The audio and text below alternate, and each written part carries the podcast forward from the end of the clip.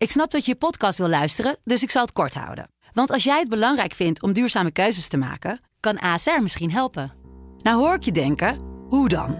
Nou, bijvoorbeeld bij het duurzaam herstellen van schade. Of de premies die we beleggen volgens ons duurzaam beleggingsbeleid. Dat bepaalt waar we wel en juist niet in investeren. Wil je meer weten over welke duurzame keuzes ASR maakt? Ga dan naar asr.nl/slash duurzame keuzes. ASR doet het. Zo, dan kan je nu lekker naar je podcast luisteren.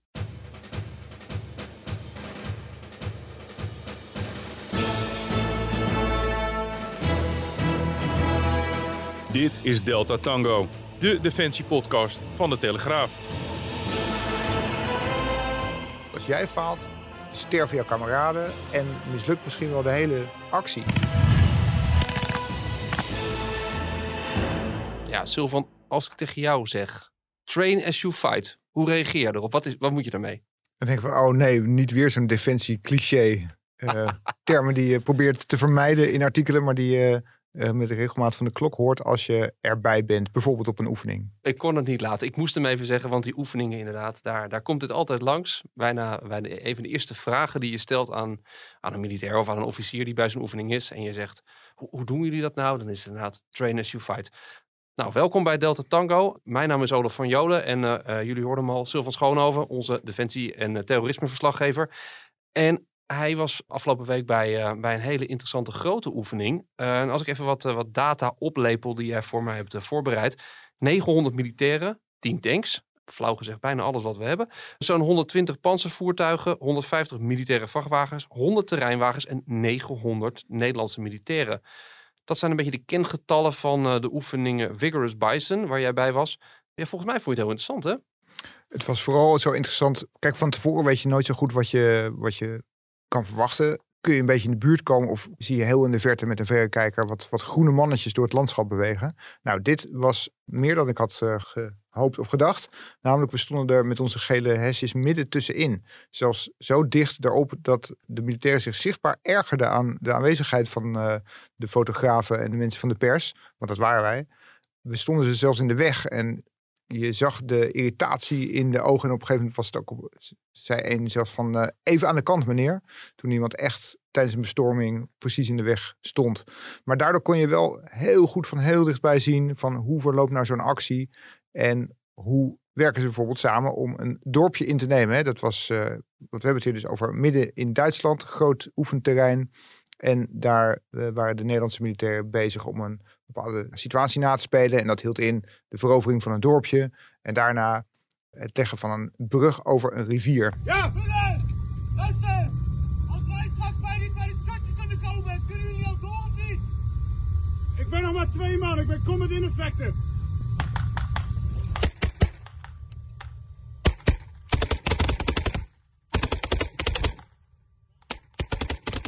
Oké. Hey, nou, nou uh, oefening. Hè? Uh, uh, en ik denk dat de buitenwacht nog wel eens daar een beetje de verkeerde associatie bij kan hebben. Oefenen klinkt een beetje naar oefenpotje. Nadat je met z'n allen getraind hebt voor de voetbal, nog even één tegen één kwartiertje spelen. Maar ik ben toch wel benieuwd of jij, toen je die oefening zag en, en toen je zag hoe die militairen daar bezig waren, of jij een andere indruk dan die kreeg. Nou, zeker ten eerste is, was dit niet in de eerste plaats een oefening, maar een examen. Hè? Dus het is, uh, ja, het is een training, maar een training die niet vrijblijvend is of voor de lol, maar je kan er ook voor zakken. Dat betekent dat je dus niet aan de NAVO-certificering zou voldoen. Dat geldt dus voor de 43 gemechaniseerde brigade die hier aan meedeed. Op het moment dat je ervoor zakt, ja, dan kan je ook niet worden ingezet in NAVO-verband als, er, uh, als, als het nodig zou zijn. Dus zoals daar ook werd gezegd dat de staf en, de commandant echt worden gegrild en worden op de pijnbank worden gelegd om, om te kijken of ze in staat zijn om om te gaan met allerlei onverwachte gebeurtenissen. Hè? Want zo'n scenario is heel ingewikkeld. Er zijn allerlei onverwachte tegenvallers waar ze dan op moeten inspelen. En ze moeten zorgen dat het toch nog goed komt met de verovering van het dorp en het leggen van die brug. Slagen ze daarin, ja, dan, dan zijn ze eigenlijk inzetbereid. Dan kunnen ze ook door de NAVO worden opgeroepen om uh, in actie te komen op het moment dat het mis zou gaan hè, als de oorlog in Oekraïne zou escaleren. Er is echt een oefenleiding en die, uh, die voert, zullen we zeggen, de spanning op tot standje 11. Uh, echt, echt zo hoog tot het punt dat mensen breken. Ja, Eigenlijk wel. Ja, daar komt het wel op neer. En wat dus daarbij helpt, is het, het realisme van die oefening. Hè. Eh, zeg hier van, ah, het, is een, het is een militaire oefening. Dan denken mensen dat, dat er pang pang geroepen wordt. En eh, dat het een beetje tijger door het zand is. Maar het vreselijke cliché eh, wat al jaren cliché. defensie achtervolgt. Ja, ja, maar dit was, dat was hier niet aan de orde. Sterker nog, behalve pang pang, hè, dat zijn dus de losse vlodders die de wapens afvuren, wordt er ook een laserstraal afgevuurd. En dit is dus echt een soort lasergame plus, zo werd er gezegd. De militairen hebben allemaal hesjes en sensoren op hun helm en op hun vest. Die dus registreren op het moment dat, ze geraakt worden door een laserstraal.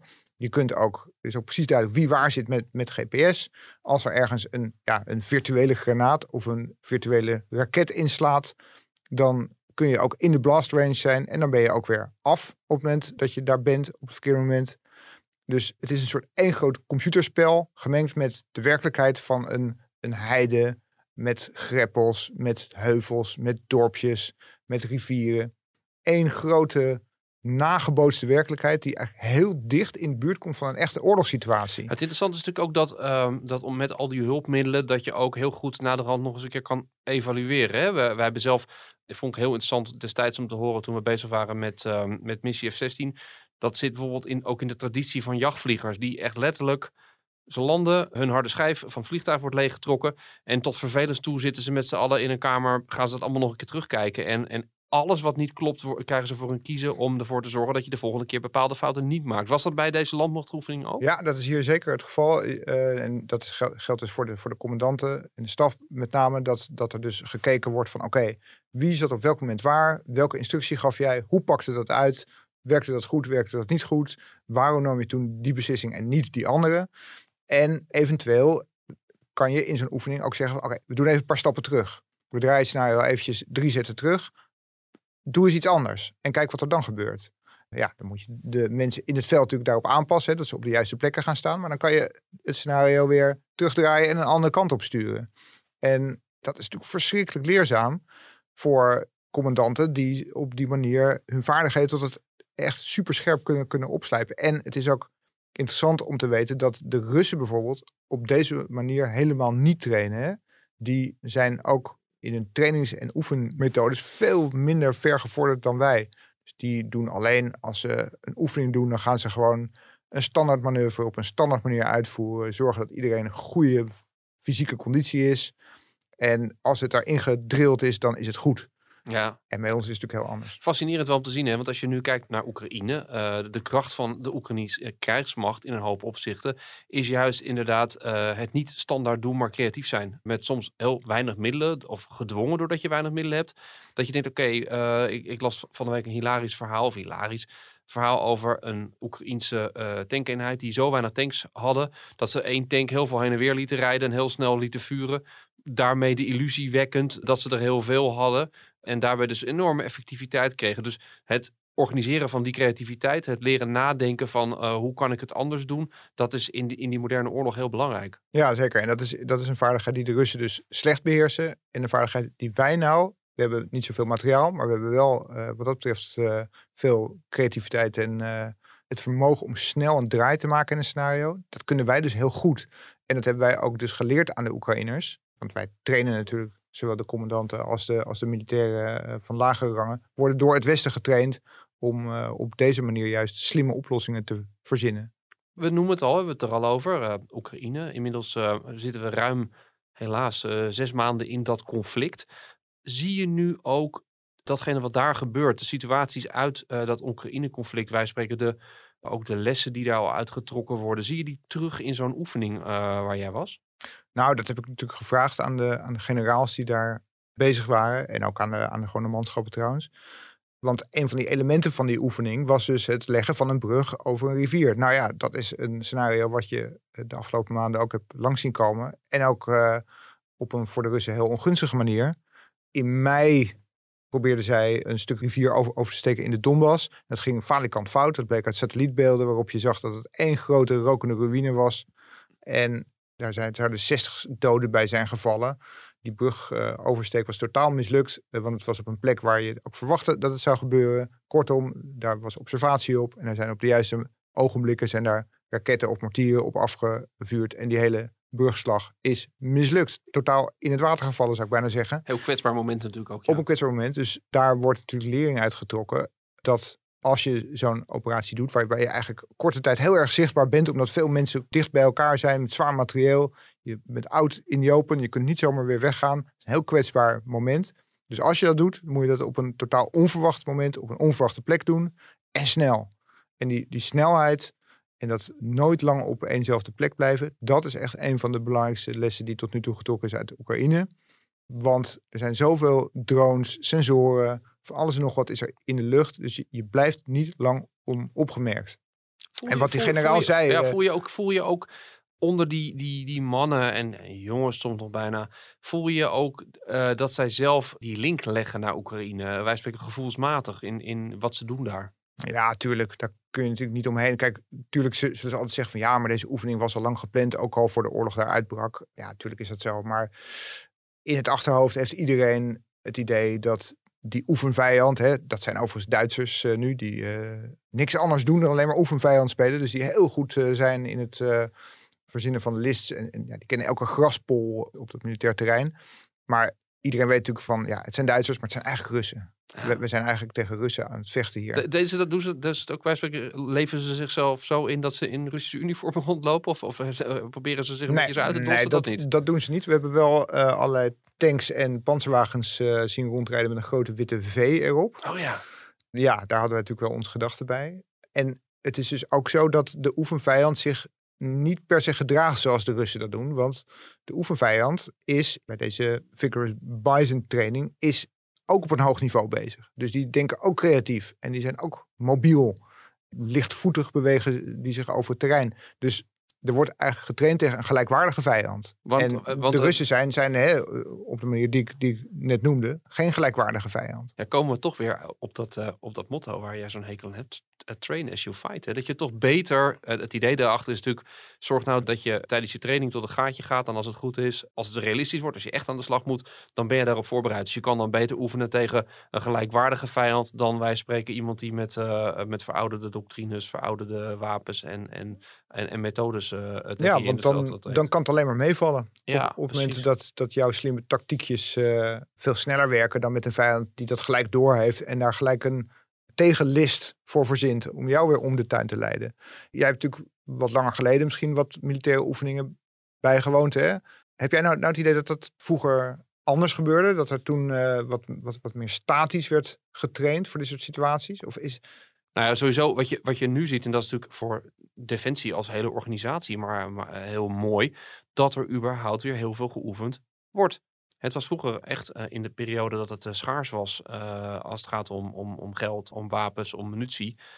Ja, het kon vaak gewoon helemaal niet. En het was op een gegeven moment toen best wel nieuws. Ik weet nog dat een aantal jaar geleden had je de oefening weer Bison, Bison Drasko in Polen. Nou ja, dat was echt een ding. Dat er weer zo'n grote groep militairen eh, daar naartoe ging om te oefenen op het grote klassieke massaconflict. Hè. Dus het werd toen al wel voorzien dat het nodig Ja. zou kunnen zijn. Dat was echt, nou wauw, hè, dat was nieuws. En nu, weet je, kijk naar het afgelopen jaar, eh, waar jij bent geweest, dat, dat was een kleinere oefening. Maar, maar weet je, dat, eh, ze volgen elkaar achter elkaar op. En er is natuurlijk ook, afgelopen jaren is er heel goed gebruik gemaakt van de permanente extra aanwezigheid in de Baltische Staten. Dat is een gebied waar je aan de ene kant, waar nu NAVO-troepen en waaronder Nederlandse aanwezig zijn om te laten zien als een soort symbool van joh, hier moet je niet naar binnen lopen, want dan heb je echt een heel groot probleem met alle NAVO-lidstaten. Maar het zijn ook gebieden waar je eh, veel meer kan dan in Nederland. Hè? Want in Nederland Ja. is, zijn de trainingsmogelijkheden veel beperkter geworden. Ik bedoel, eh, heel lomp gezegd, eh, je hoeft hier maar een schot te lossen of er is een, een burgercomité wat boos wordt omdat het lawaai maakt of omdat er een, een zeldzame diersoort daar wellicht slachtoffer van wordt ja, dat, dat wordt toch wat anders gezien in, in Oost-Europa. En ehm, dus daar werd dat, dat soort dingen wel gedaan. Maar ik denk vooral wat je nu ziet is het grote verschil dat, het, ja, dat er gewoon veel meer nu op aangestuurd wordt. Omdat het besef is van je moet ook die trainingen zoveel mogelijk doen. Wil je gewoon goede troepen hebben die er klaar voor staan. Ja, in Oost-Europa heb je dus de ruimte. Dit was een groot terrein midden in Duitsland, een beetje aan de oostkant. Maar in Roemenië, in Hongarije en Polen. Je bent laatst in Roemenië geweest. hè, Dat, dat is echt enorm, denk ik. Daar kun je alles trainen wat je maar wil. Met zoveel materiaal als je maar in de strijd wil gooien. Absoluut. En daar heb je natuurlijk ook de nabijheid van die Russische vijand. Die wordt ook zo gevoeld. En ik weet dat ik toen nog met militairen daar sprak. Die zeiden van, ja, dat echt eh, die bewoners, lokale bewoners die ze spraken, echt heel blij waren met de komst van, van de Nederlanders, maar ook van Amerikanen die daar eh, rondvlogen, vooral met, met helikopters en met jachtvliegtuigen. Daar wordt toch echt gezien van de dubbele boodschap van die oefening wordt heel goed begrepen. Van ja, we zijn hier om te oefenen, maar tegelijkertijd is, is de oefening, eh, het aanwezig zijn zelf, is ook een heel duidelijk signaal, geef je daarmee af. Ja. Van we zijn hier. En oké, we zijn nu aan het oefenen, maar als het nodig is, dan veranderen van munitiesoort. En dan heb je echt een probleem en dan, maak je, en dan heb je slecht, eh, is met ons eh, slecht kersen eten. De Russen deden dat zelf ook natuurlijk. Hè? Die, die deden grote militaire oefeningen aan de grens van Oekraïne. Ja. Voorafgaand aan de invasie. Absoluut. En- Eigenlijk als een soort voorbode van oké, we zijn nu troepen aan het samentrekken. Ja, je geeft een soort voorwaarschuwing af, gek genoeg. Ja, en, en op eerdere momenten eh, ook is het gebeurd. Hè? Want ook, ook, we hebben afgelopen jaren bijvoorbeeld een hele grote oefening gezien. eh, in, ben ik nog geweest in Noorwegen, Trident Juncture. Op allerlei plekken daar, zowel eh, met amfibische operaties als grondoperaties. Van alles en nog wat. Een enorme verplaatsing van NAVO-materieel is daar toen ook voor geweest richting eh, Noorwegen. Verplaatsing van voertuigen, hè, zoals Onder dat, eh, andere, in, het, ja. in het jargon. Dat is, is- Het wordt wel een thema deze, Ja. deze aflevering. Maar ja, ook daar zie je dan, die oefening roept ook weer een reactie op. Ook de Russen voeren dan hun aanwezigheid op. Of gaan eh wij spreken hekpogingen doen om met, met een soort cyberwarfare-achtige constructies. dus dan wordt het eigenlijk bijna, al- dan grenst het echt aan realisme. Zo'n Ja. oefening grenst dan echt aan Absoluut. een reële situatie. Hè? Want ik was, 2016 was dat ook zo- zo'n hele grote oefening van de NAVO in Estland. Die dan weer luisterde naar de prachtige naam Saber Strike. En daar vloog op een gegeven moment een enorme B-52 bommenwerper van de Amerikanen. Gewoon echt precies over die grens tussen die Baltische Staten en Rusland. Dus ja, de Russen konden gewoon letterlijk die B-52 schuin boven hun hoofd zien, zien hangen. Ja, dat was natuurlijk niets minder dan een, een dikke middelvinger eigenlijk Ja. naar, eh, naar het oosten toe. Heel toepasselijk als je weet wat eh, de bijnaam van eh, de B-52's is. Dat zijn de buffs en dat staat voor Big Ugly Fat Fuckers. Zo, als je het hebt over fuck you, dan is dit kloppend. Ja, Nee, maar is ook zo. Kijk, en, en in die zin, mensen maken zich daar vaak zorgen over. Tegelijkertijd is dit natuurlijk ook bijna het thema van de Koude Oorlog geweest, van eh, afschrikking. En, en het hele model van machtsevenwicht is ook gebaseerd op, op weten en van diepste van binnen beseffen dat je niet bij elkaar moet binnenlopen, omdat dat eh, heel erg beroerd gaat aflopen. Ja, wat dat betreft, Oekraïne eh, heeft denk ik toch in die zin, wist Rusland, of kon ze redelijk vermoeden, dat, dat dat een vijand was die ze soortement van zouden ha- hadden moeten aankunnen. En dat machtsevenwicht was daar natuurlijk niet, eh, dat was er niet. De zwaarte lag meer aan de Russische kant dan dat de Oekraïners, eh, eh, in ieder geval de van tevoren inschatting was dat. Dus die oefeningen en dat hele spel wat er omheen zit, dat heeft ook te maken met, met machtsevenwicht. En op de achterwacht is het natuurlijk zo dat meestal met dit soort oefeningen de partijen elkaar echt wel waarschuwen. Zodat ze weten dat als er plotseling inderdaad een B-52 over de grens heen scheert, dat hij niet eh, plotseling links afslaat en eh, richting Moskou gaat om eh, daar een lading bommen te droppen. ja precies. Ja, ja. Nou speelt dit zich allemaal af op het land. Hè? Daar, daar zijn we allebei recent bij geweest. Ik heb eigenlijk nog nooit met eigen ogen gezien hoe dat nou bijvoorbeeld bij een zeeoefening gebeurt. Heb jij daar uit het Iets, verleden wel zicht op? Of iets, hoe? iets minder, maar weet je, het lastige is natuurlijk altijd, ehm, voor jou is het heel aanschouwelijk. Hè? Ik bedoel, zo aanschouwelijk dat je zelfs in de weg kon staan. Met zee is het natuurlijk altijd, zijn het grotere gebieden waarin geopereerd wordt en waarin eh, hè, de hele, hele groepen actief zijn. Dus dat is in die zin wat minder makkelijk eh, te zien. Maar ja, ook daar is het natuurlijk nu dat er druk eh, allerlei oefeningen lopen. En ook die zijn natuurlijk ook allemaal voor signaalwaardes. Wat je ook ziet, dat is wel een hele interessante trend. En dat geldt voor zee heel erg, maar ook voor de lucht heel erg. Dat je ziet dat, dat er ook meer voor gekozen wordt om virtueel te oefenen. En de technieken Ja. worden daar steeds beter voor. Hè, dus je kan bijvoorbeeld je bemanningen, je, je staf van een fregat of van een ander schip, van een zeeboot, die kan je gewoon een hele goede simulatie in laten gaan. En waar ze een hele, eh, een hele wargame kunnen doen. Terwijl ze gewoon eh, ja, de haven niet verlaten, wij spreken. Terwijl ze eh, niet voorbij het zeegat eh, van Den Helder gaan. En dat, dat is natuurlijk ook een hele, zeggen, een, een positieve ontwikkeling. Omdat je kan, het is goedkoper. Hè, want je hoeft niet een heel schip de zee op te sturen. Je kan ook heel gericht trainen. Hè, want dit soort staftrainingen zijn bijvoorbeeld ook voor, voor landmachtstaven. Waarbij ze dan zo'n scenario voorgelegd krijgen en dat allemaal doen. En het, is, het is- biedt ook de mogelijkheid om, om wij spreken meer te trainen. Als je bijvoorbeeld kijkt naar, naar, eh, naar de lucht, F-35's, de, de vlieguren van F-35 zijn een stuk duurder dan, eh, dan die van Hm. F-16. Nou ja, maar als je een steeds geavanceerdere simulator hebt, dan kan je een groeiend aantal taken kan je ook virtueel oefenen. Een paar weken geleden was ik in Slowakije bij de Nederlandse Patriot-eenheid. En voor hen is oefenen in de praktijk natuurlijk altijd lastig, hè? want die Patriot-raketten zijn uh, loeiduur. Kost dat ook alweer zo'n raketje afschieten? Ja, wij hebben nog een oude voorraad, dus die is dan eigenlijk wat goedkoper, hè? omdat ze al zijn afgeschreven. Uh, okay. zo, zo, maar nieuw, nieuw zijn ze, kosten ze wel miljoenen. Dus ze worden afgeschoten, maar eigenlijk maar één keer per jaar op Kreta wordt er één de lucht ingeschoten tijdens een oefening. Dat is natuurlijk ook voor die mensen een, soort groot hoogtepunt. Van, hey, dan eindelijk hoor je echt die knal, druk je echt op die knop en zie je hem echt wegvliegen met uh, vier keer de geluidssnelheid. Dus dat, dat is een magisch moment. Maar tot die tijd moet je het inderdaad met virtuele scenario's doen. Zij doen dat ook. Hè? Er verschijnt een stipje op de radar. Wat is het? Is het een Russische bommenwerper? Is het een Russische piloot die het vaderland verraadt en naar het westen wil vluchten, die je dus vooral niet moet neerschieten. Of is het een Boeing 737 van uh, Corendon met uh, een, een nou, ja, toeristen aan boord? Precies. Hè? Wij willen natuurlijk niet de fout maken die de pro-Russische rebellen hebben gemaakt uh, in de Donbass toen, door heel lichtzinnig een luchtdoelraket af te, af te schieten vanaf de grond naar iets waarvan je denkt van nou, het zal wel vijandig zijn. Met afgrijzelijke gevolgen natuurlijk. Dat willen wij tegen elke prijs voorkomen. Maar ja, we moeten wel snel reageren. Dus die, die druk die erop ligt dan, ook in die oefening, is natuurlijk heel groot. Van wat is het een vijand? Is het een vriend? Is het een soort halve vijand? Moeten we gelijk terugschieten? Moeten we doorlaten? Dat zijn afgrijzelijke beslissingen die je, die, in allerlei scenario's natuurlijk kunt, kunt trainen om daar ja, de beste beslissing te nemen in hele korte tijd. Ja, wat ik een beetje bij jou proef, en dat vind ik wel mooi, want ik heb dat eigenlijk altijd hetzelfde ervaren, is toch wel, um, uh, ik denk als je de gemiddelde burger, als je mij of jou daar neer zou zetten, dat er toch altijd zoiets, een beetje een soort lacherig zou zijn van ja, is allemaal niet echt en het is allemaal wel. En als het misloopt, nou ja, jammer, dan uh, doen we het nog een keertje over en dan uh, daarna doen we er een biertje op, het is goed geweest. Maar wat mij altijd wel getroffen heeft, is, om maar zeggen, echt die die enorme focus en de serieusheid waarmee mensen zo'n oefening ingingen. Uh, ik, ik, weet in, in dat ik in Roemenië was, echt de avond voordat uh, dat die gasten de helikopter in gingen om, uh, om voor, voor een, een luchtmobiele operatie.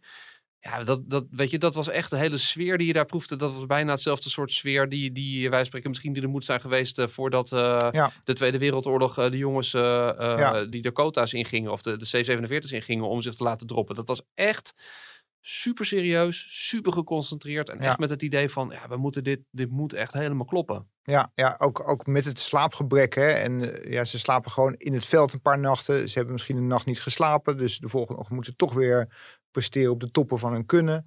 Ja, dat, dat realisme nou ja, heb je natuurlijk ook in een echte oorlogssituatie, wordt daar ook, ook getraind. En dat zorgt er gewoon voor dat je helemaal in de realiteit zit. Dat je het bloed serieus neemt. Dat je het misschien niet eens meer ziet als een oefening, maar bijna als echt. En dat het dan opeens heel ontluisterend is als tijdens jouw bestorming een club gele hesjes in de weg staat. En je denkt van, oh nee, wacht, het is helemaal niet echt. Het is maar een, het is een oefening. Ja, nou ja, en, en waarbij natuurlijk altijd, en dat vind ik zelf, dat blijft natuurlijk altijd de grote open vraag hieraan. En uh, we, hebben, we zijn daar ook, vind ik mooi, zijn we ook tegen aangelopen met, met interviews die we hadden rondom, uh, rondom met Oeruzkan-veteranen.